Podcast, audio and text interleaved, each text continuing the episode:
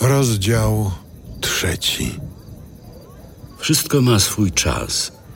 Jest wyznaczona godzina na wszystkie sprawy pod niebem. Jest czas rodzenia i czas umierania. Czas sadzenia i czas wyrywania tego, co zasadzono. Czas zabijania i czas leczenia.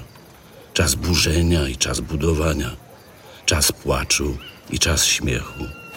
Czas zawodzenia i czas pląsów. Czas rzucania kamieni i czas ich zbierania. Czas pieszczot cielesnych i czas wstrzymywania się od nich. Czas szukania i czas tracenia. Czas zachowania i czas wyrzucania. Czas rozdzierania i czas zszywania. Czas milczenia i czas mówienia. Czas miłowania i czas nienawiści. Czas wojny i czas pokoju.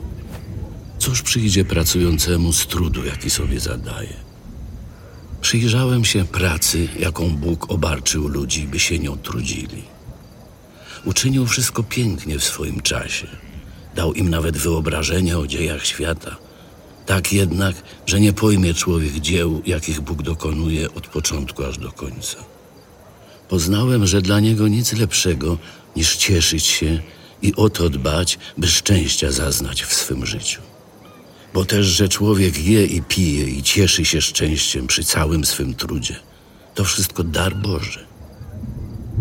Poznałem, że wszystko, co czyni Bóg, na wieki będzie trwało. Nie można do tego nic dodać, ani od tego czegoś odjąć. A Bóg tak działa, by się go ludzie bali. To, co jest, już było, a to, co ma być kiedyś, już jest. Bóg przywraca to, co przeminęło. I dalej widziałem pod słońcem w miejscu sądu niegodziwość, w miejscu sprawiedliwości nieprawość. Powiedziałem sobie, zarówno sprawiedliwego, jak i bezbożnego będzie sądził Bóg. Na każdą bowiem sprawę i na każdy czyn jest czas wyznaczony.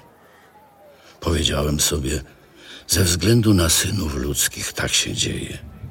Bóg chce ich bowiem doświadczyć, żeby wiedzieli, że sami przez się są tylko zwierzętami. Los bowiem synów ludzkich jest ten sam, co i los zwierząt. Los ich jest jeden.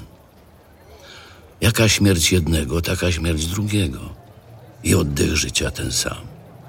W niczym więc człowiek nie przewyższa zwierząt, bo wszystko jest marnością. Wszystko idzie do jednego miejsca. Powstało wszystko z prochu i wszystko do prochu znów wraca. Któż pozna, czy tchnienie synów ludzkich idzie w górę, a tchnienie zwierząt zstępuje w dół do ziemi? Zobaczyłem więc, iż nie ma nic lepszego nad to, że się człowiek cieszy ze swych dzieł, gdyż taki jego udział. Bo któż mu pozwoli zobaczyć, co stanie się potem?